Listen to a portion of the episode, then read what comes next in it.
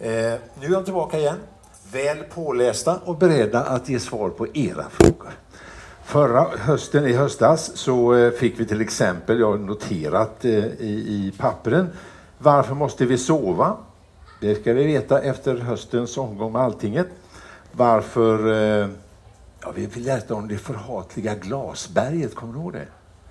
Eh, Karl-Olof Johansson han lärde sig om mänsklighetens största mysterium, det där med, med mangelduken. Ett kolossalt problem. Men jag tror vi har löst det nu. Jag tror att Karl, han, du är här nu och sitter på samma plats. Ja, det är bra. Du är beredd på nya kunskaper. Och varför, varför vi svär och rodnar fick vi reda på.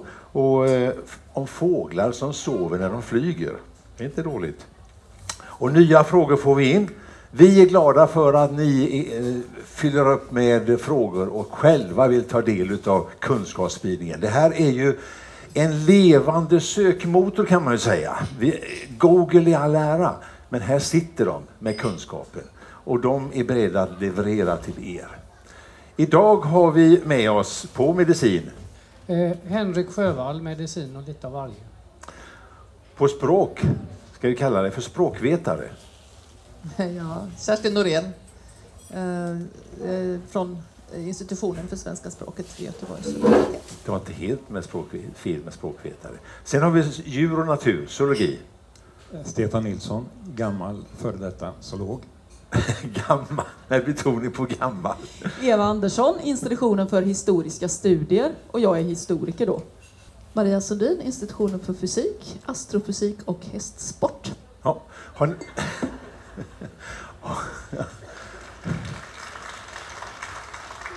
En samvetsfråga. Har ni, har ni läst på nu inför en ny säsong med Alltinget? Eva, har du förberett ordentligt? Jag, jag är alltid redo, vet du väl? Just det, gammal scoutanda. Henrik? Eh, Nej. Jag... Det var, inte, det var inte så mycket det. Jag, jag har ett, ett som det, jag läste ett väldigt fint mantra i, i, i helgen. Look up and not down. Look out and not in. Look forward and not backward. Okej. Okay. Jag försöker look out och så förbereder jag mig. Det, det, är lika, lika hoppfullt som han som trillade ner från tionde våningen och passerade femte. Än går det. Välkomna till Alltinget. Lite frågor ska vi ha. Och det är han den mangelmannen där uppe, Karl Olof som har en ny intressant fråga, om än inte mänsklighetens stora dilemma. Kom igen, du får en mikrofon utav Miriam där. Är den på? Hörs det? Ja. ja. Jo, jag undrar om damm. Eh, jag kan väl säga att varför det är ju att man ser damm alltid och även att jag har varit besiktningskunnig på, eh, på i, i, lägenheter. Jaha, då har du sett där, mycket där skit. hittar man ett och annat. Då har du sett och då mycket. undrar jag, var, vad består damm av i första ja. hand? Men Vi... sen undrar jag, det, det kanske inte är så svårt, men sen undrar jag, hur kan det komma sig att man, om man städar ett rum helt och hållet helt rent, ja. stänger dörren, låter den vara stängd i ett antal år och lika förbaskat så finns det damm efteråt sen när man öppnar igen. Hur, hur, hur kommer dammet dit? Hur bor du egentligen? Du har mangel och mangel och sen har du rum som du stänger i flera år. Det, det kanske är för rent. ja, ja vad, damm, vill du verkligen veta vad det består av? Det är väl eh, hudflagor och eh, små eh, hårstrån och annat. Är det någon som vågar sig på att börja med det här med damm? Är det, är det, en, det är en medicinsk fråga direkt? Om ni inte rör knappen så går det bra. Så. Ser du? Damm är ju eh, kan man säga, en, sam, en ansamling utav små, små partiklar. Det kan vara hudflagor, det kan vara fragment utav eh, eh det kan vara mjölpartiklar, det kan vara eh, skräp som eh, hålls ihop utav något, inte sällan hårstrån. Eh, så att vi ser dem. Och, och, som jag uppfattat det, alltså, vår luft ser, e-, är egentligen full med sånt där. Och sen är ju dammpartiklarna väldigt lätta så att får de, eh, luften vara still ett tag så ramlar de i backen. Eh, eh, jag kan tänka mig att om man håller på tillräckligt länge och, och, dammsugar upp och stänger dörren igen och dammsugar upp och stänger dörren igen så ska man väl till sist komma till en punkt där det dyker där det är lite, lite mindre damm på golvet. Kan man åstadkomma ett dammfritt rum? Ja, det, det, det måste väl på något sätt gå tycker jag om man gör sådär. Eva? Ja, jag har ju ett svar på det. Att varför är det damm i rummet? Därför att du har ventilation. Du har ventilationsspringer som det kommer in damm utifrån. Alla vi som bor nära vägar vet ju hur det ser ut. Du kan verkligen se dammet som kommer in via ventilationen. Så svaret på den frågan är förstås att du kan göra det dammfritt om du inte släpper in någon ny luft. Maria? Eh, Vi har ju extrema renrum uppe på eh, fysik Eh, där man gör då laborationer där saker och ting verkligen inte får lov att förorenas. Men det är ju fruktansvärt svårt att hålla dammet borta så det kräver ju sådär att man är duschar fullständigt ombyte av kläder och går genom flera slussar och just att det inte ska finnas ventilation och så vidare. Så att dammet är extremt svårt att stänga ute. Och som sagt var att man dröser då saker som blir damm själv. Så att eh, ska det vara dammfritt så får man inte vara där själv heller. Men, men är det inte risk för att vi är för renliga i så fall? Nej, men sen är det, man pratar ju ibland om dammar, dammallergi och det är väldigt ovanligt. Men däremot i damm finns det faktiskt djur, Stefan. Någonting som heter kvalster. Jag vet inte om det är några som skalbaggar. Nu fick zoologen sig du en känga här. Ja, Ja. men, och de här djuren kan man bli kolossalt allergisk emot. Så att det är alltså en kvalsterallergi då. Och, och, och, och ett sätt att minska på det där är förstås att försöka få bort dammet så gott det går. Jag, jag återkommer till det här med, med eh, eh, eh, att, att det är bra med smuts. Att det är bra med smuts, ja. Du ska inte damma för mycket, så du. Är det, är det ett problem att det är djur som utgör damm? Ja, enligt Henrik så är de ju farliga. ja, det- alltså det finns ju farliga djur i olika storlek. Och de här är ju ganska små eh, och farliga på ett speciellt sätt. Men man kan ha roligt med damm också. Om ni har ett, ett bra badrum eller en bra toalett hemma eh, så händer det ju då att man tappar hudflagor och sånt där lite grann som ligger på golvet och får det ligga still ett tag så kommer det alltid att eh, alstras en liten koloni av silverfiskar som är insekter. De är ganska stora eh, och det är inga fiskar utan det är insekter. Mm. Men de är väldigt trevliga och de är, alltså det, man kan ju tycka saker om insekter men de här är alltså fullständigt ofarliga. Men ingår silverfiskar i dammet hemma hos dig? Ja, det kan jag säga att det gör det. Fast vi har Det naturligtvis inget damm hemma hos de är ju mig. men- stora. Ja, så stora är de inte. Det finns en art i Sverige som är riktigt stora och de har tydligen in, invaderat något bibliotek, tror jag. Och eftersom de käkar papper så är inte det helt lyckat. Men de vanliga silverfiskar som man har hemma i sina badrum, de- kan man bara tycka är trevliga. För de, Ja, är, de är söta och de har långa fina antenner och grejer som man kan titta på. Men damm ett, kan man väl ge ett historiskt perspektiv på? Lort-Sverige kommer jag ihåg. En, Ja, eh, det är naturligtvis, men det är ju inte så mycket damm som ren smuts. Vi får ju lite skilja mellan dammet som Okej. ligger och smutsen där. Men det är klart att det finns där. Eh, Den här föreställningen om smuts, den är ju väldigt moralisk. Vi har ju en idé om att om det är smutsigt och även dammigt så är det avspegling av vår karaktär och har varit så väldigt länge. Men ja, det, nu är det väl Henriks tur här, för nu ska han tala om varför vi inte ska tvätta oss så ofta. Vi ska vara lite smutsiga och lite dammiga. Ja, det här är ju minerad mark. Va? Men man kan säga så här att vårt, det största problemet med vårt immunsystem det är att det är lite för eh, eh, stridslystet. Eh, eh, vi, vi blir ju sjuka utav att immunsystemet går igång. Eh, och och eh, ett sätt att, att göra immunsystemet lite mindre stridslystet det är ju just att man exponeras för en hel del krafts. Va? Eh, Alltså om man exponeras för saker så, så, så, så får man något som heter tolerans. Det vill säga man lär sig att och, och strunta i det. Dammtolerans. Ja, alltså, eller, eller tolerans. Det, det finns ju en diskussion här om, om det är bra eller dåligt att ha husdjur hemma. Och mycket talar ju för att exponeras man för, för husdjur under barndomen så minskar risken för att man får en pälsdjursallergi som vuxen. Och, och, och, och eh, vad det man sa för eh, lite skit rensar magen, mycket skit blir man mätt av va? Alltså det finns en hel del eh, data som talar för att vårt moderna samhälle, det det är lite det är förenligt. Alltså immunsystemet eh, går igång eh, ibland alldeles av sig självt. För att det, det, det, så att, och jag tror det ligger en del i detta. Det är svårt att bli kvitt damm och det är inte bra att bli helt kvitt damm. Det städar för mycket. Nej, vi lämnar dammet där. Just det. Det är små hudrester och annat, nu vet du det.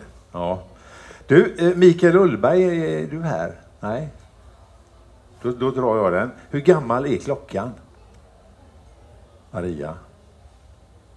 Han undrar hur gammal, vem uppfann urets mekanismer med det med oro och annat och eh, eh, Ah. följer uret solen? Ja, just det. Eh, ja, våra första sätt att mäta tid det är ju efter solen och solens rörelse och den skugga som so- solen ger upphov till om man sätter en pinne i marken. får man ju egentligen en enkel klocka, så en visare som flyttar sig. Så att eh, hela vår tideräkning härstammar ju från solen, att man delade in dygnet i den tiden som solen var över horisonten och under horisonten och sen så kunde man titta på stjärnhimlen hur den förändrade sig och så fick vi året därifrån. Och sen kan man titta på månen och månens faser och därmed få månaden och veckan också. Sen har ju de flesta inte behövt en sådär väldigt noggrann tidsindelning utan det har räckt med att veta ungefär i vilket, var solen står i förhållande till olika kända landmärken. Så att eh, det var väl inte förrän man började experimentera med pendlar och med fjädrar någonstans på 1200-talet tror jag som de mekaniska uren kommer. Eh, och där fick man en ganska så stor noggrannhet, speciellt med sådana här pendelur. Eh, men det blev ett problem, för ska man ut sen och röra sig på de stora haven för att kunna navigera bra så är det väldigt bra att kunna hålla koll på klockan och tiden. Men då hjälpte det inte att ta ett pendelur och ställa det på ett skepp som började gunga så här. Eh, utan då tappade man tiden väldigt, väldigt snabbt. Så att på 1600-talet så var detta ett jättestort problem som faktiskt drev urmakeribranschen framåt i hög tid. Så att om jag tar bara från det jag kan så här i huvudet så någonstans sen fram på 1700-talet så har man riktigt, riktigt bra ur som fungerar med väldigt stor precision. Och mycket av det var drivande för att man skulle kunna navigera. Man började göra så stora färder ute till havs och det var enormt många skepp som gick under och många liv som gick till spillor och många rikedomar som aldrig nådde fram. Så det var stora tragedier där innan man kunde lära sig navigera och det hade mycket med uret att göra. Men Eva, du kan säkert mer? Ja, vad jag tänkte på är att fickur är ju någonting som vi alla är väldigt Ja. bekanta med. Och det blev alltså jättetidigt en slags modeaccessoar, eller jättetidigt, men 1700-talet är ju ganska tidigt om vi talar fickur här. Ja. Och det var en av de första sakerna som man skaffade sig när man skulle så att säga började kunna konsumera saker som också ett led i att klättra uppåt i samhället. Då var det mannens fickur. I Sverige var det också förbjudet att importera fickur under delar av 1700-talet för vi ville ju tillverka dem själva. Och de drevs ju då med eh, kugghjul och så med fjäder som man uppfann redan på 1500-talet. Och det finns ju fantastiska snygga ur från den här tiden. Om man har varit i Lunds domkyrka så har de till exempel ett stort mekaniskt ur från 1500-talet där som man kan se på. Men fickuren är alltså en mycket gammal historia och det är först i modern tid som vi lägger av dem för armbandsuren under första världskriget i första hand. Eh, klockor idag får man ju rucka lite grann. Alltså, det är inte riktigt exakt 24 och, och indelat. Hur var det soluren, de som stod i trädgården, ska man rucka dem också? Eh, ja, det är, ju, det är ju som så att vi försöker ju hålla koll på precis hur jorden roterar och hur jorden går runt solen och så vidare. Så att ibland så måste man ju faktiskt lägga till, jag tror att man ska sluta med det nu i och för sig, men vi har haft några små skottsekunder Ja, och sånt ja. Mm, emellanåt och man har ju skottdagar och sånt. Så att om man vill få sin klocka att gå precis som ett solur så får man göra vissa justeringar. Men annars så gäller det för ett solur i stort sett att man behöver bara ställa in det så att det lutar på det sättet som polaxeln lutar. Okej. Beroende på vilken latitud eller var man är i nord-sydlig led. Sen så finns det några små avvikelser på några minuter här och där som man också får lära sig. Men ett solur tycker jag inte man ska använda med så stor precision utan var glada man kan avläsa ungefär var på dagen. Ja, för om det fungerar så skiner ju solen och blir jag glad. Precis, Ja. enkelt. Det finns månur också faktiskt. Barnur? Månur. Jaha. Månur, det glömde jag väl säga, som faktiskt reagerar då på, eller som är som ett solur fast med fullmånens eller halvmånens sken. Eh, de blir inte riktigt lika exakta, men det sägs ju då att månen är lite grann för nu vet romantikerna och det är känslosamma och så vidare. Och det är trevligt då med ett ur som visar kanske ungefär vad klockan är, men vem bryr sig? vem bryr sig? Detta om klockan och tiden. Jaha, vi eh, rullar vidare. Vi fick väl lite frågor under dagen här så. Eh, varför ser man sällan döda djur i naturen? Fåglar och harar etc. De måste ju dö hela tiden. Undrar Kristin, du är här någonstans. Där sitter du. Stöter du på mycket vilda djur som är döda ute i naturen? Du gör inte det, nej. De är uppätna då antagligen. Vi ska se vad, vad förklaringen är. Den kanske är ganska enkel. Stefan? Ja, det är precis som du sa. Det finns ju andra djur som käkar upp dem.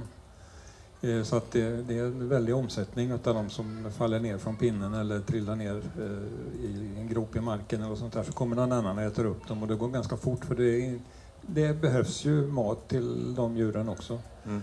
Så att det är det enkla. Eh, sen kan man, om man tycker det är spännande så kan man gå och se vad är det för djur som har ätit till exempel en fågelkadaver som ligger som har varit där och gnagt på den och då kan man se det att är det en räv som har varit där så biter den av fjädrarna och då ser man alltså att fjädrarna är avbitna, de som är kvar på det här fågelkadavret. Då är det en räv. Om de är lösryckta ur kroppen så att det inte är några då är det en örn. bettställen, då är det en örn. Vadå en örn? Ja, en rovfågel. De rycker loss eh, fjädrarna först, så då kan man se om det är en, en rovfågel eller en räv som har varit och käkat. Men de, de djur som man inte ser, de är uppätna.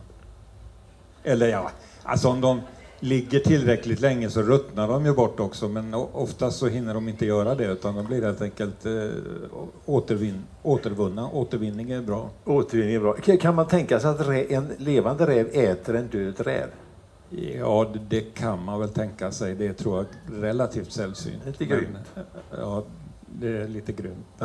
Alltså det här med kannibalism och sånt, ja. det finns ju faktiskt även hos människan emellanåt. Okay. Så, så att det, det, är inte alldeles otroligt. Ja. Är inte. Men jag skulle säga att rävar ger sig nog i allmänhet på kaniner och neråt, eller harar. Okay. Eh, sällan man har hört talas om att en räv har rivit en fårskock eller något sånt där som vargar klarar av att göra. Då så, ska vi se. Eh, Lisbeth Kajstam, är du här? Nej, de, de bara ställer frågor utan att vill jag höra dem. Jag har tagit frågan. Eh, man säger saken är Oscar eller saken är Biff. Varför? Det, eh, det lutar åt en eh, språkfråga. Ja, det är en språkfråga. Eh, förklaringen är väl egentligen att från början sa man ibland saken är biff och det hängde ihop med att eh, bifalles, eh, som betyder att någonting är klart, det förkortades BIF, punkt. Och så skapade man en skämtsam eh, formel för det då, så att eh, saken är biff. Men sen fanns det en väldigt populär maträtt som hette biff Oscar. Ja, biff Oscar ja. ja. Och biff alla Lindström. Och då började man säga saken i Oscar som var liksom ytterligare en förlängning av denna oerhört humoristiska utveckling. Men då skulle man kunna säga biff, eh, saken är Lindström. Ja, det skulle man kunna säga också. Vi kan börja göra det och se om det tar sig. Saken är Lindström, säger vi. Betyder det saken är klar. Eller saken är Oskar, det är samma sak. Mm. Kan inte jag få säga en sak till? Jag satt och funderade på damm eh, som ur språkligt perspektiv eftersom jag är språkvetare. Ehm, det, damm till, ordet damm tillhör, eller det är egentligen två olika eh, betydelser, tillhör en mycket exklusiv liten grupp i svenskan om man ser på det hur det stavas. Det stavas nämligen med två m på slutet. Och det gör damm, lamm och ram. Fick inte ni lära er det i skolan alla? Och varför ska de eh, stavas med två m på slutet? Jo, det gör ju inte kam, annars, jo, annars förväxlas de med dam, ram och lam. uh, så att det är en rent praktisk åtgärd, men i, i svenskan så stavar man egentligen inga ord med två m på slutet, utom just dessa tre. Men å andra sidan så finns det ju ord som har dubbel betydelse. Om man säger, om man säger dam, och man menar kvinnan och inte skräpet så är det, väldigt, framgår väldigt ganska tydligt. Ja, om man säger det, det framgår det väldigt, väldigt tydligt skulle jag vilja säga. och lam och lamm. Mm. Det, det, Men nu pratar jag om stavningen. Okej, okay, ja. Mm. Det gjorde jag också. Gjorde du? ja, ja. ja, det är bra. Eva, eh, historia tänkte jag. Eh, vad är vår skostorlek, skostorlek mått på, undrar Christian. Är det mått i centimeter eller tum eller ett bråk för fotstorleken? Ja du, där börjar vi komma till svåra frågor. Ja, här. nu äntligen! Dels är det ju så att det finns ju, ja, vi, de flesta av oss har ju stått, stött på åtminstone två storlekssystem. Vi har så att säga, det europeiska, det här med storlek 39, 40, 41 och liknande. Och vi har det engelska och det amerikanska som ju då är, ser likadant ut på ytan men inte är det. Där man kan ha storlek 6 eller 9 eller något sådant. Det amerikanska har ju också olika storlekar för herrar och dam med olika nummer, så att det är bara för att göra det komplicerat. Det finns ett tredje, man gjorde ett tappert försök till ett logiskt, metriskt baserat system. Det slog igenom i vissa länder i Asien, men i övrigt så har det helt dött, för vi gillar konstiga saker. Och det europeiska kan vi börja med. Det är då fransmän som har kommit på det här och de mätte det i bråkdelar av centimeter. Så då är vi alltså efter metriska reformen på 1800-talet. Så det är ett bråk alltså? Ja, alltså varje enhet är ett bråk. Det är två tredjedelar centimeter är en så kallad Parispunkt, Paris point. Det är det man utgår ifrån. Parispunkt. Så jag, jag, har 43 storlek så är det 43 Parispunkter. Nej! Nähä. Så enkelt ska det inte vara. Det var synd. Vad man börjar med med bebisar och då börjar man med storlek 15 och sen lägger du på en halv, du lägger på en sån här Parispoäng för varje storlek. Så det där har du det systemet. Sen har vi då det engelska systemet och det är mycket roligare. Ja. Eller engelska och amerikanska. Därför att de utgår ifrån bredden på ett sädeskorn, nämligen bestämt från sädeslaget korn. Bredden. Ja, det här, Det, här har vi då, det det hänger är ju alltså inte mycket. Nej, det är inte mycket, men det är tre stycken blir en inch. Om du frågar kungen Edvard på 1200-talet. Ja. Eh, det var, alla mått för den här tiden var ju baserade på människokroppen eller saker och ting som man kunde använda. Sädeskorn har använts som måttslag redan under biblisk tid, så det är inget konstigt med det. Men då beslutar man i alla fall att det här barley corn, det är en grundenhet. Och på 1600-talet så är det faktiskt så att engelsmännen gör standardiserade storlekar. Där varje storlek ökar med, så att säga, en barley corn. Herregud. Och vi utgår då ifrån storlek 15 på bebisar i vårt europeiska systemet. Där utgår man från att det man då tyckte var den största storleken var storlek 12 och sen räknar man bakåt. Och sen så börjar det engelska systemet börja med minsta storlekar på 0 och det amerikanska på 1. Så därför är det helt omöjligt att på ett enkelt sätt att konvertera det här utan internet får hjälpa oss. Okej. Och det, i det perspektivet kan man förstå att engelsmännen vill vara ensamma och inte vara med i EU, utan de vill ha sina egna regler. Det Sam- finns en förklaring. Samtidigt har ju de i någon mån accepterat det metriska systemet, vilket inte amerikanerna har. Motvilligt, motvilligt. Motvilligt, Ja, motvilligt du. onekligen. Ja. Eh, det finns faktiskt ett, om någon av er köper gympaskor, vilket jag ju inte vet om ni gör, så är det så att de siffrorna ser ut att vara samma som amerikanska storlekar. Men det är de inte, för de bygger på det här metriska Mondo Point-systemet. Så det är bara liksom att, det är bara att ge upp och prova sig fram helt enkelt. Tack så mycket för denna utläggning. Detta om skostorlekar. Eh, vi har lärt oss hur viktigt det är att äta allsidig kost för att inte få olika bristsjukdomar. Alla minns väl kostcirkeln. Men de flesta vilda djur äter väl ganska ensidig kost. Lejonen till exempel. Drabbas de av kalkbrist? Och eh, vitaminbrist, för det pillar de inte i sig så mycket. Och älgen kanske får proteinbrist. Eh, vågar man ge sig i kast med det här? Le- lever de farligt? Ja, vi, Tigrar, lejon och älgar? vi lever farligt vi också om vi ger oss i kast med det här, för det är inte så himla enkelt heller. Inte Kanske det heller. inte så svårt som skostorleken. Men det är lejon, om vi tar dem då, som Vi tar är lejonet först. någorlunda enkelt, och det är rovdjur överhuvudtaget. De äter inte bara filén alltså. Utan de äter ju upp hela djuret. Okej. De kanske spottar ut pälsen, den hittar man ibland ute i skogen också, om det är, eller i djungeln eller vad man är. Men de, Men de äter alltså framförallt äter de också upp innehållet, maginnehåll och liknande på sina bytesdjur. Ja, men vi ska ju alltid ha, vi ska ha en sallad till köttet vi äter, inte mumsar de i sig en god sallad. Nej, det behöver de ju inte då för att de, tar, om vi håller oss till lejon och zebror då. va? Zebrorna har ju käkat sallad. Det är ju det Ja. de äter. Jaha, och så och det lejonet. äter lejonet upp den färdigdigererade salladen som finns i magsäcken och i mag-tarmkanalen hos eh, zebran. Men då behöver ju inte vi människor äta sallad heller, för vi Nej, äter men då ju får, kött. får vi börja käka inälvor på ett helt annat sätt än vi är vana vid. Okej, ja. Men faktiskt, ja ja. Istället för en sallad kan man äta lite lever. Nå, alltså du får äta maginnehållet. Va? Det är det som kanske möjligen stöter en del när det gäller den kulinariska upplevelsen. Haggis och, och eh, det är inte dumt. Eh, jo, det är det i och för sig, men det är, det är en smaksak. Pölsa! Ja, det, det, nu snackar vi skit här.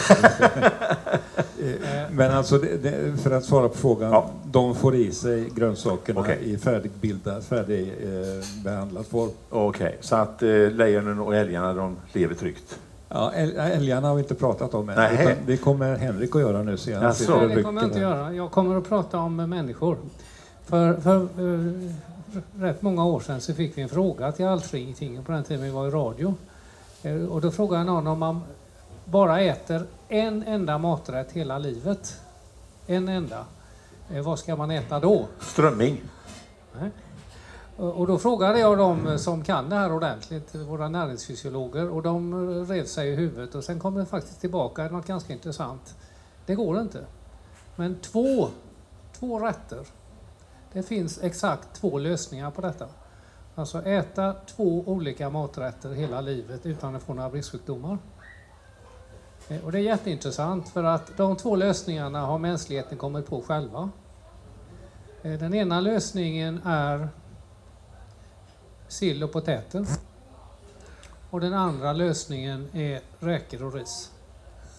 Sill och potäter, räkor och ris. Ja, och vad har man ätit när det varit hungersnöd? Precis va? Och sen var det var någon konstig grenad aminosyra som de bekymrade sig över. Va? Men i stort sett sill och potäter och räkor och ris, det kan man gå på Sill och potäter, Ja. räkor och ris. Det är bra. inte äta Ett mantra. Hur är det nu med älgen då? Älgen. Alltså älgar i de svenska markerna har ibland bristsjukdomar.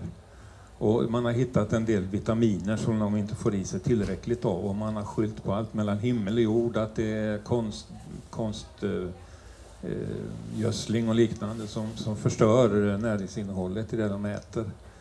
Men eh, de får äta rätt mycket, alltså alla eh, gräsätare eller grönsaksätande djur, de får äta väldigt mycket av sin kost. De ägnar en stor del av dagen åt att äta helt enkelt.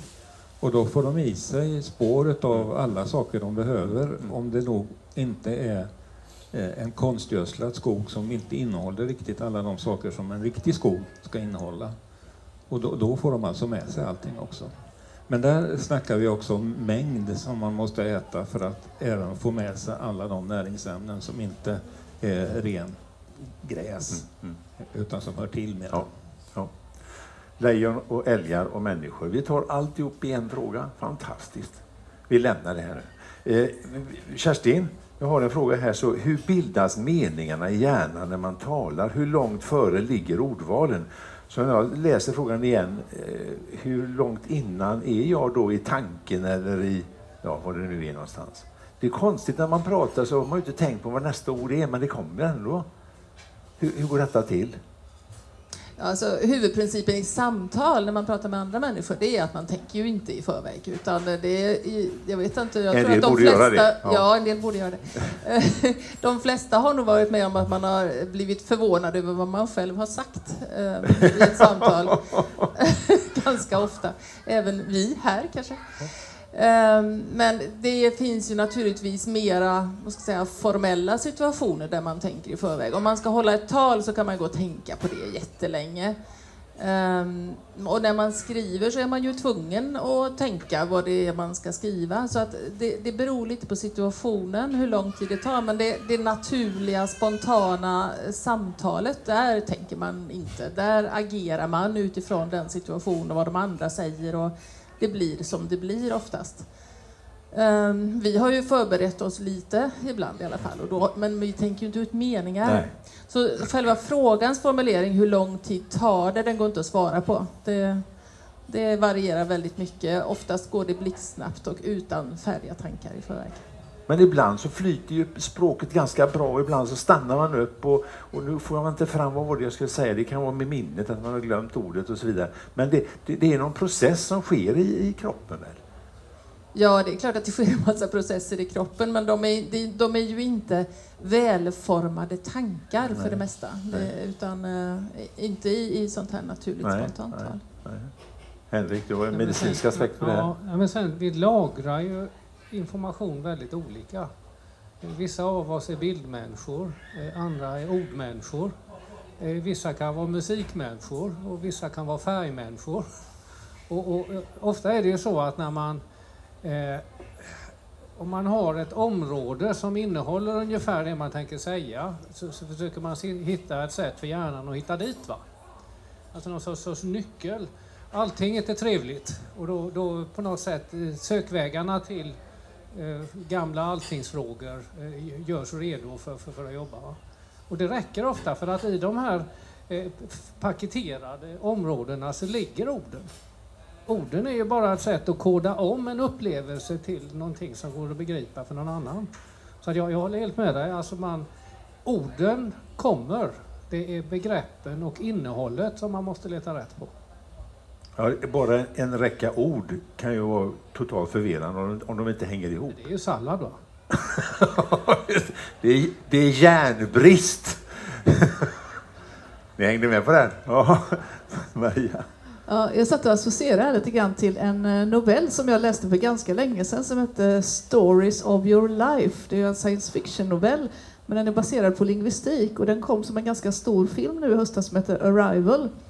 Och den handlar just om eh, mötet med utomjordingar. Och de där utomjordingarna har inte samma syn på tiden som oss.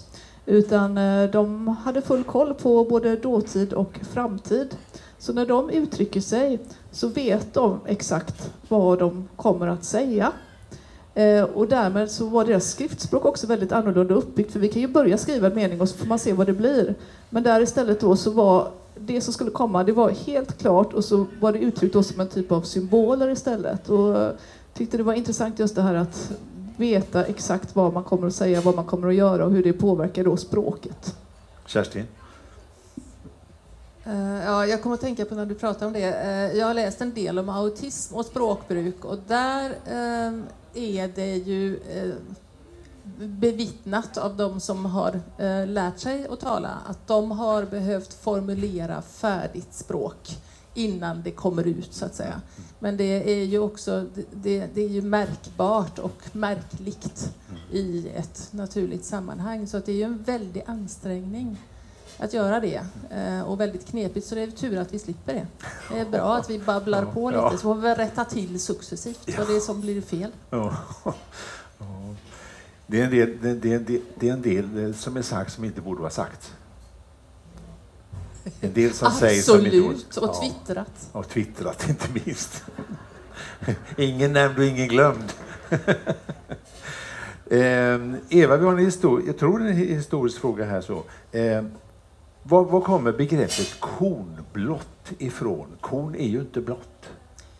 Det är nog en historisk och en, framförallt en textilfråga. Ja. Det är jätteenkelt. Eh, kornblau är där vi har tagit det ifrån. Det, är från, det första kända upptäck, är från en bouppteckning i Stockholm på 1600-talet. Just det materialet jag sitter och håller på med faktiskt. Eh, och det är från tyskan och det är helt enkelt kort för kornblumenblau, alltså blåklintsblått. Så det är därifrån det kommer. Så enkelt var det. Svaret är givet. Alltinget ger svar på de märkligaste frågor. Eh, här har vi en eh, liten sak som många kanske kan fundera över. Hur kan djur känna igen andra djur, människor och faror inte minst? Vilka sinnen används då? Det är ju en talang det där. Ja, de använder precis samma metod som vi själva gör. De tittar, de lyssnar och sen har de ofta, inte alltid men ofta, ett bra utvecklat luktsinne. Inte fåglar kanske. Däggdjur har bra luktsinne i allmänhet. Så de använder samma sinnen som vi använder och sen så ser de hur det stämmer ihop med deras uppfattning om vad det är de ser eller hör eller märker.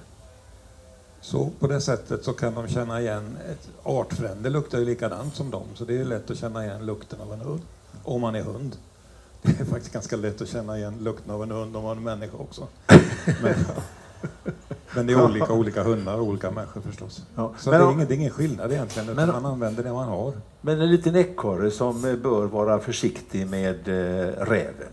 Jaha. Men, men från början, vet den att räven, vet ekorren att räven är farlig? Ja, den har nog med sig en hel del i... eh, Har morsan sagt det då? Gen- Ja, inte jag kanske. Ja. Men eh, farsan kan de ha också. eh, det genetiskt minne helt enkelt utav eh, saker som kan vara farliga. Okej. Eh, sen, sen rävar ska vi inte prata Alltså Maria påpekar här att den spanska räven rev en annan räv förut också. Det får vi, det får vi också komma ihåg apropå det, vem som äter upp, vem som äter upp den. Men, Ja. men om man tittar på hur en ekorre beter sig eh, när den kommer till fågelbordet eh, så rör ju den sig väldigt snabbt.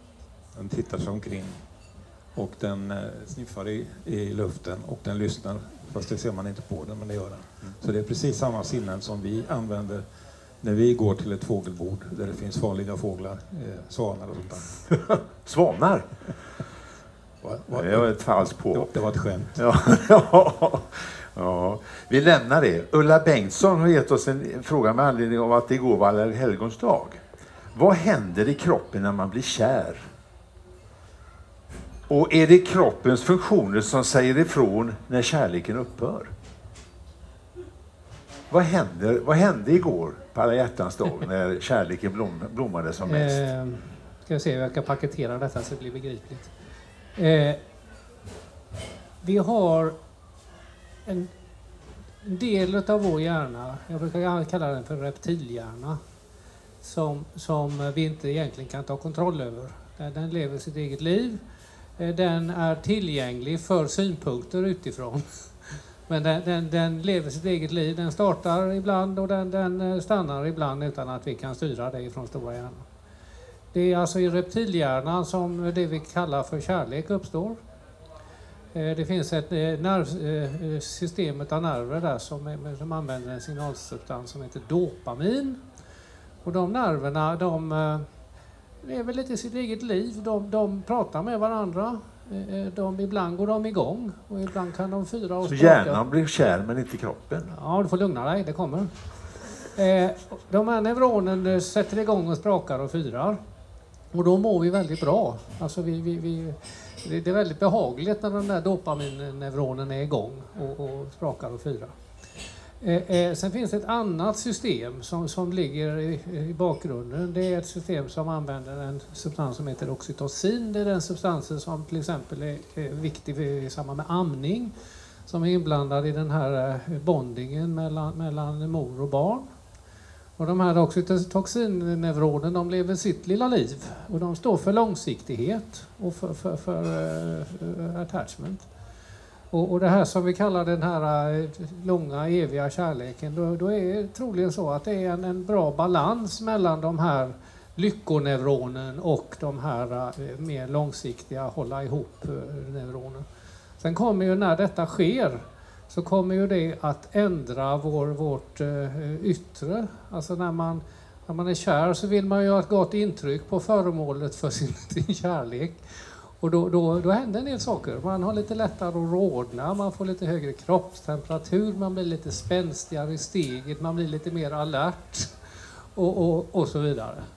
Och, och, och gudskelov så går det inte de här systemen att starta upp med, hjälp av läkemedel. Alltså det vore ju förfärligt om man kunde ta piller och liksom bli kär på kommando. Det funkar inte så. Lyckoneuroner? Ja, det är mycket mer komplicerat. Alltså missbrukare, alltså kokain och sådana här droger kan starta delar av de här nätverken. Men inte alls på det här sättet att, att balansen blir rätt. Men man säger så att att den genuina, äkta kärleken, den går innanför, det är själen, det är intellektet och så vidare. Men det kan ju inte lyckoneuronerna eh, Nej, alltså ta intellektet kan ju vara med och kan ju starta upp detta och kanske ibland till och med släcka ner det. Stress släcker ner de här systemen.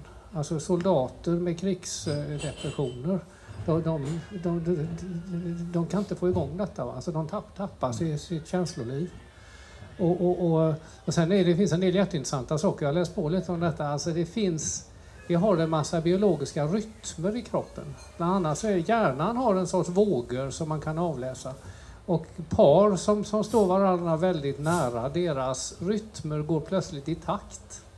Alltså de här alfa och gammavågorna börjar då gå, eh, eh, synkas.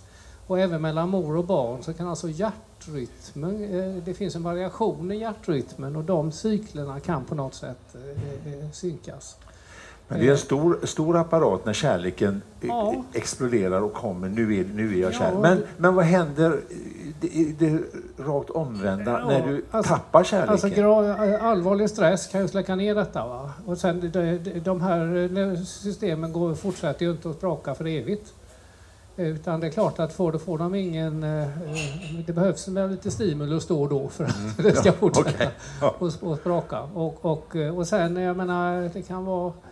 Balansen mellan eh, dopaminet och oxytocinet varierar över livet. Jag tror att med, med åldern blir det mer och mer ox- oxytocin och mindre och mindre dopamin. Och det, det fokus skiftar lite grann. Vissa människor har lätt för att bli kära, vissa människor är väldigt svårroade. Och det är väl sånt som man är född med antar jag. Vi skrapar lite grann på det här angående eh, alla helgons dag och så här, alla hjärtans dag. Ja, det var helgon också. Vi kan bekära er med. Vi lämnar det så länge. Det är bra. Nu är det så här att fysik, det är inte bara det du nämnde det här om hästar också, ditt stora hästintresse. Och då helt plötsligt så har vi en fråga om hästdressyr. Äntligen. Så slipper jag det där med stjärnor och planeter och fysiska lagar. Eh, hästdressyr, det är ju ett, ett sätt för de som inte är inne i, i eh, sporten att tvinga hästar till ovanliga och onaturliga gångarter. Är inte det att plåga hästen, att få dem att gå på, snett på tvären och allt hur de bär sig åt? Eh, ska vi se, det där låter som några olika saker. Eh, man kan säga som så att sådana rörelsemönster som man ser om man tittar på dressyr, som jag anser vara en otroligt tråkig sport att titta på. Fruktansvärt tråkig. En häst Mm. som är inne i åtta minuter och gör en massa konstiga rörelser. Ja. Alla, okej. alla de där rörelserna är sånt som hästar gör ute i naturen. Man kan se dem utföra alla de där rörelserna i en hage. Så det är bara det att de har lärt sig göra dem på kommando. Så det är egentligen ingenting som är så konstigt för dem. Det kan vara olika ansträngande och så vidare. Men Kan man se en häst gå på, gå på tvären in i skogen? Absolut, apropå tillbaka här till djur som blir rädda och så Ja. vidare. Hästar är ju bytesdjur och de blir rädda för allt. Och deras, de flyr och då flyr de åt sidan, bakåt eller åt vilket håll som passar bäst för tillfället. Ja. Så, så att eh, det, det är verkligen alla, alla de sakerna. Det är inte så att de är ute för nöjes skull och springer kanske lite grann på sidan så här. Men det, det är just det att de kan bli rädda, de kan bli lite upphetsade, de kan bli kära. Ja. Och då uttrycker de det på olika sätt. Och allt detta kan vi då se på dressyrbanan. Men det finns hästar, tyvärr, som plågas också för att utföra rörelser som inte är naturligt för dem eller på ett sådant sätt som är skadligt för dem.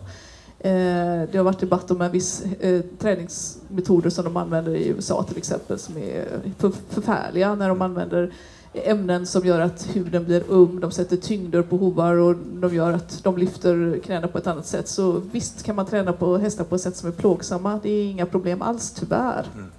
Sen eh, Men de konstiga, de konstiga rörelserna som man ser i Ja, dressyrträning, det Se- är att naturligt. De, alla de är fullständigt naturliga och Okej. många av dem kommer ju från att man tränade hästar för att kunna ha dem i krig. Man ville kunna snabbt rida mot fienden, utfärda det dödliga huggslaget och sen vända och dra därifrån innan fienden anföll. Ja. Så att eh, my- mycket är från eh, militären men det är fullständigt naturliga saker som kräver olika lång Ja. träning. Det var ju skönt det. Visst är Ja, det? så det inte var något djurplågeri med den där dressyren. Då hoppas jag att, eh, ska se, det var Alf Nilsson som hade ställt frågan. Eh, vi har en, en eh, fråga till dig Eva, som jag gärna ville skicka iväg. Talet sju är ju lite magiskt. Historiskt belastad. Varför sjuan ljusdagen, sjunde våningen, sjunde vågen och så vidare. Vad kommer det sig att det är så belastat just talet sju?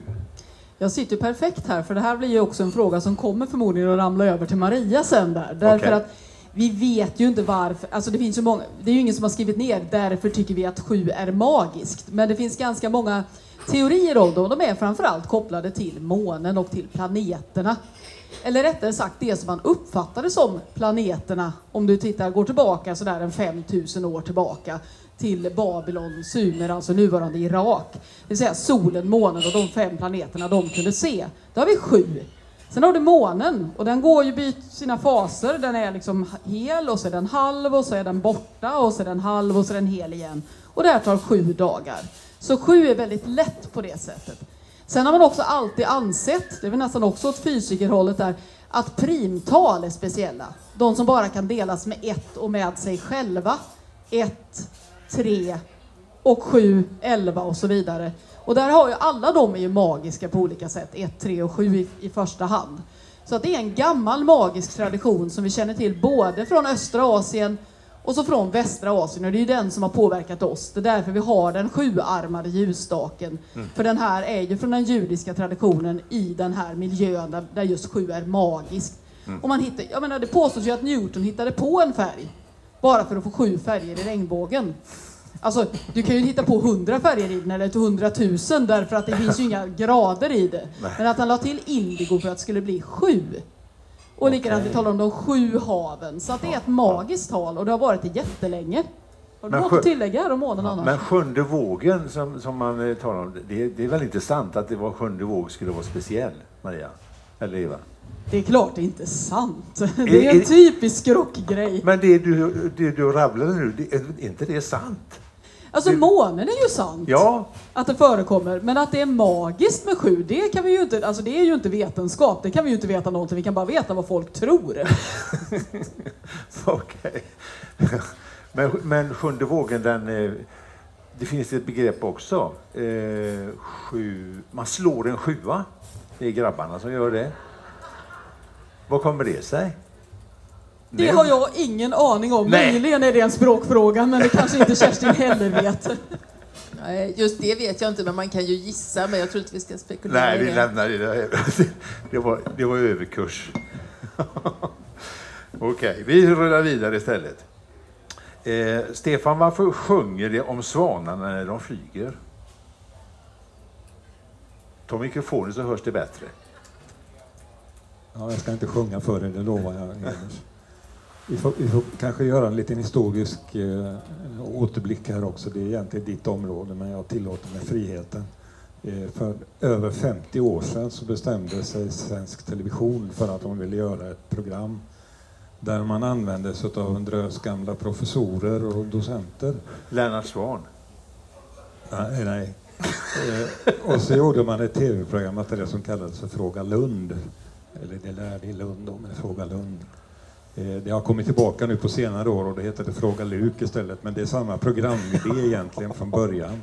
Men det här eh, gamla fina Fråga Lund-programmen från början på 60-talet, 1960-talet, de kan man hitta nu på Sveriges Radios arkiv, Öppet arkiv. De är ganska skojiga, mm. för det var innan du-reformen och studenterna de var på ett helt annat sätt än vad de är nu, ödmjuka mot de här gamla professorerna och ställde sina frågor på ett mycket artigt och trevligt sätt. Är ni inte nyfikna nu hur han ska komma tillbaka till de sjungande svanarna efter den här, jo, jag det här stickspåret? Jag lugna ner dig lite nu ska du få höra. För det, man, det, man, alltså det som var viktigt med det här första Fråga Lund-serieprogrammet, det var att man hittade en programledare som hette Svan. Han hette Jan Öjvind Svan visserligen, ja. inte Lennart, men Jan Öjvind Svan. Han var programledare. Han var speciell därför att han hade väldigt lustiga glasögon. Eh, sen kan vi röra oss framåt i tiden här till 1997-98. Då bestämde man sig på radion i Göteborg att nu ska vi göra någonting i den stilen, fast bättre. Men det första vi måste få tag i är en svan. Och det, det, det, fick de tag i alltså. De fick tag i en svan. Ja, och då kunde man göra programmet. Och, och det var inte en knölsvan för knölar. Utan det måste ha varit en sångsvan. Och nu är Lasse antagligen Absolut. jätterädd för jag ska be honom sjunga. Det ska jag inte göra. Nej, det är bra. Utan nu ska jag istället svara på frågan varför sjunger sångsvanar? Ja, det är bra. Eh, vi har tre svanar i Sverige. Vi har knölsvanar. Det är den näst tyngsta av alla fåglar på jorden som kan flyga för övrigt. Det är lite kul att veta kanske eller inte. Och sen har vi sångsvanar och de ger ifrån sig ljud när de flyger. Det gör inte eh, knölsvanarna. På engelska kallas de för mute swan, det vill säga stum svan. Och enda gången som en knölsvan faktiskt sjunger, det är precis när den ska dö eller när en större katastrof inträffar. Och då är det, det kallas för svanesång. Mm. Eller hur? Ja, fast det är en myt naturligtvis. Men, är, men så är det.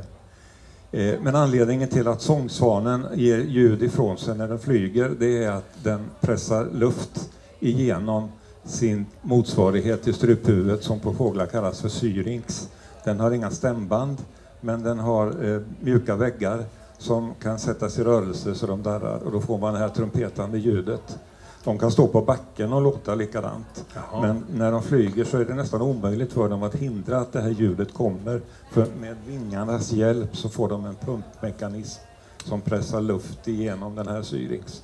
Så man hör det här trumpetandet när de kommer. Och det, det, var sångsvanarna detta? Det är sångsvanarna. Det finns en tredje art som flyger förbi här, men den häckar inte här nere i Sverige. Den flyger längre norrut. Som heter, romantiskt namn, den heter mindre sångsvan. Då kan ni ju tänka er att den inte är lika stor som vanlig sångsvan. Men den låter ungefär likadant. Men så, därav kommer alltså ljudet. Och det är alltså inte egentligen någon ansträngning eh, som svanen lägger på att få det här ljudet. För att det är liksom bara en del av att den ändå måste andas eh, när den viftar med vingarna helt enkelt. Så det är också en effektiv energianvändning. Ja. Det var en intressant eh, omväg du tog för att komma fram till svaret. Ja, men det var trevligt. Absolut. Ja, ja. jag känner mig hedrad. Nu lämnar vi svanarna. Ja. Eh, eh, Kerstin, eh, man och en i svenska språket. Det dy- har dykt upp ett, ett nytt fenomen som eh, en, en eh, lyssnare har eh, reagerat på. Man ersätter man med en i subjektformen. Eh, eh, en ska inte behöva roa sig, eh, ro- oroa sig eller en ska inte istället för man ska. Tolererar du det? Ja, det, alltså, det får man väl göra. Ehm, Var kommer detta av? Det har från början i de nordiska språken så hette det en både, eh, både i subjektsform och objektsform. Som, eh, man är ju subjektsform och så, eh, man har ju alltid sagt att eh, det går dåligt för en eller något Ja, sånt där. Så det. det, ju, det går inte att säga att det går dåligt för man utan man har ju haft kvar en i objektsform. Det går aldrig dåligt för man. Ja, nej, det går inte. Eh, Men det ursprungliga är att man har haft en i alla de här positionerna. Ehm, Sen har man under, under flera hundra år i, i riksspråket haft man som subjektsform ehm, i Sverige. Inte i norskan, där har man fortfarande en i alla positioner. Ehm, när jag var liten så var det, eh, sa min morfar att nu, nu ska en gå och lägga sig eller något sånt där eh, om sig själv. Så att han använde ju det gamla språkbruket och det gjorde man i många dialekter. Nu är det ju något helt annat. Nu handlar det ju om jämställdhetsfrågor och man vill Jaha. inte ha eh, ordet man som eh, subjektsform då för att det, Det pekar ut män och utesluter kvinnor. Det kommer som eh, hen. Ja, det kan man säga, fast det är ju en... en eh, ja. Det, ja, det kan man säga. Ja, det är samma Det. Men det är, ju, det är ett pronomen. Ja, det, är inte, det är inte dialektalt det här. Ja, det är ju fortfarande lite dialektalt också. Och särskilt sådana gamla som jag tycker ju att det låter lite, eh, lite gammaldags och dialektalt. Men den yngre generationen gör inte det. Så det, och det har spritt sig otroligt snabbt. Så det, det kommer ju snart att bli eh, normen, tror jag. Det gör det. Igen. Ja, så att vi, vi kommer att ersätta man med en och Ja, man med hen. Om du tittar i en tidning idag så ja, det beror lite på hur politiskt korrekta de är. Men de stora dagstidningarna har ju många skribenter som, eh, som skriver så. Men, men svenska språket det är ju din, det är din hjärtefråga. Eh, Tycker du att det är bra när det händer sån här, sån här utveckling? Driver du på det eller sitter du bara och registrerar? Så är det. Ja, alltså språkforskning är ju ett försök att vara forskning just och då är man ju mera deskriptiv. Sen finns det ju språkvårdande organ i landet och vi har ju också Svenska Akademin som är helt oberoende från, från staten som har, har eh, hand om att, att rekommendera språkbruk och så. Mm. Men, eh, men forskningssidan är ju beskrivande. Ja, Den är ju ja. inte ställningstagande på det sättet. Det är en stor fråga om du, om du trivs med utvecklingen av svenska språket, men vi tar en annan gång. Jag trivs jättebra. Ja, det är bra. Det är bra. Han, man och, och, och en. Eh, Maria, eh, vatten. Jag har en Gustav som flyttade in på ett ålderdomshem och mitt i eh, inneparken där så hade de en, en vattenfontän. En skulptur och så sprutade vatten där. Och då så satt han och funderade över det här med, med vatten och stenen. Att vattnet kan urholka stenen och påverka stenen och slita stenen. Men han var lite lurigare än så. Slits inte vattnet? Underbart med folk som eh, tänker en Ja. sväng till måste jag säga. Ja. Absolut. Eh, ja, det är ju materialvetenskap egentligen och det brukar alla bli glada av att diskutera. Så det tar vi väl och kör ett tag här. Ja. Ehm, Ja, det handlar ju egentligen om att ehm, alla material kan finnas som pasta eller som flytande eller som gasform. Men under väldigt olika förhållanden. Och är det mellan 0 och 100 grader och det är ungefär det lufttrycket som vi har här på jordytan, då är ju vatten flytande medan då sten är i fast form. Och i fast form, alla de här materialen de består av små atomer eller möjligtvis molekyler, små partiklar. Är det i fast form så sitter de i väldigt speciella mönster ihop med varandra och håller avstånden mellan varandra hela tiden. Medan i en vätska då, som vatten, då flyter de här atomerna och molekylerna runt mycket, mycket mer fritt så här. Och den fasta formen, den kan man bryta sönder. Man kan göra sönder de här små bindningarna mellan atomerna och det är det som händer då när stenen går sönder. Medan vattnet kan man säga är nästan förstört från början. Det flyter runt lite mer oordnat så och det är svårt att skapa mer oordning där, mer än att man kan hetta upp det så att det börjar röra sig ännu mer och sen sticker iväg. Så jag skulle vilja säga att man kan inte riktigt så att säga, urholka vattnet eller slitna på, slita på vattnet. Men man kan skapa mer oordning i det. Man kan skapa virvlar och, så att det kan flyta runt på olika sätt. Men jag, jag tycker det var jätterolig fråga Ja, att tänka ja. på det sättet. Och allting faller tillbaka på Ja. just hur, hur alla material kan bete sig. Blir vattnet varmare om du sprutar hårt mot en vägg eller sådär? Ja, absolut. Det gör det. Eh, det, det, det är så att säga energi eh, i vattnet då, i form av rörelse som går över till värme om det slår emot någonting. Så att absolut, det kan det göra. Okej, men det är ett dyrt sätt att värma vatten. Det är ett dyrt sätt att... ja, Och det funkar inte på Mars. Men det tar kom- vi en annan nu gång. kom vi ut i rymden Ja, det direkt. kan inte det låta bra, bli. det. Det finns vatten och det finns sten där, men Ja. inte så mycket rinnande vatten. Ja, vi har några minuter kvar. Henrik han var tvungen att sticka iväg för de lever ju i verkligheten, vår, vår panel. Hon, han skulle operera något sånt där på Sahlgrenska. Men eh, en liten fråga till. Eh, Sten Hartog skriver, var, var finns Kristoffer Columbus kvarlevor idag? Blev han kvar i Västindien och säga i Amerika? Det här är en jättespännande fråga. Eller rättare den är väldigt spännande om du antingen kommer från Spanien eller från Dominikanska republiken. För det här har varit nämligen ett stort bråk om det här. Där då eh, hans önskemål var att begravas i Amerika. Men där fanns det inga tillräckligt fina kyrkor. Så att då togs han till Spanien och sen ska han ha tagits tillbaka och sen kom fransmännen och tog honom igen. Och då hävdar de i Dominikanska republiken att de tog fel skelett. Men Nej. nu har man faktiskt gjort en undersökning utav de som finns i Spanien och jämfört med hans brors skelett, för han är också begravd där. Och då har man studerat sånt som kallas mitokondrie-DNA och konstaterat att det här är så nära släkt att det är faktiskt så att han ligger begravd i Spanien och inte i Dominikanska republiken. Dominikanska republiken säger att det tror vi inte på. Men jag tror på DNA. Var ligger brorsan någonstans då? Ja, det ligger i... Nu är det så, tyvärr kommer jag inte ihåg vilken katedral det är. Men de ligger i samma katedral helt Ja, enkelt. ja. Men i, i, i Spanien? I Spanien, ja. Och, och, inte ute på Mars då? Nej, inte på Mars. Men hade Kristoffer Columbus haft ett bra sjöur, klocka, så hade han vetat att det var inte Indien han kom till. Vilken underbar avslutning på dagens Allting. Det var en något decimerad skara kvar eh, till sista frågan, men eh, vi kommer tillbaka med eh, nya frågor, frågor från er och en ny, delvis ny panel. De är många som delar på det, men stort tack Kerstin, Stefan, Eva och Maria. Tack för att ni delar med er av er kunskap. Vi kommer alltså tillbaka om 14 dagar, Första mars samma plats. Ja. Och vi tackar ju dig också Lasse Svan. Ja, tack. Tack så Vi mycket. har mycket svanar här idag, eller Ja, hur? mycket. Det var intressant.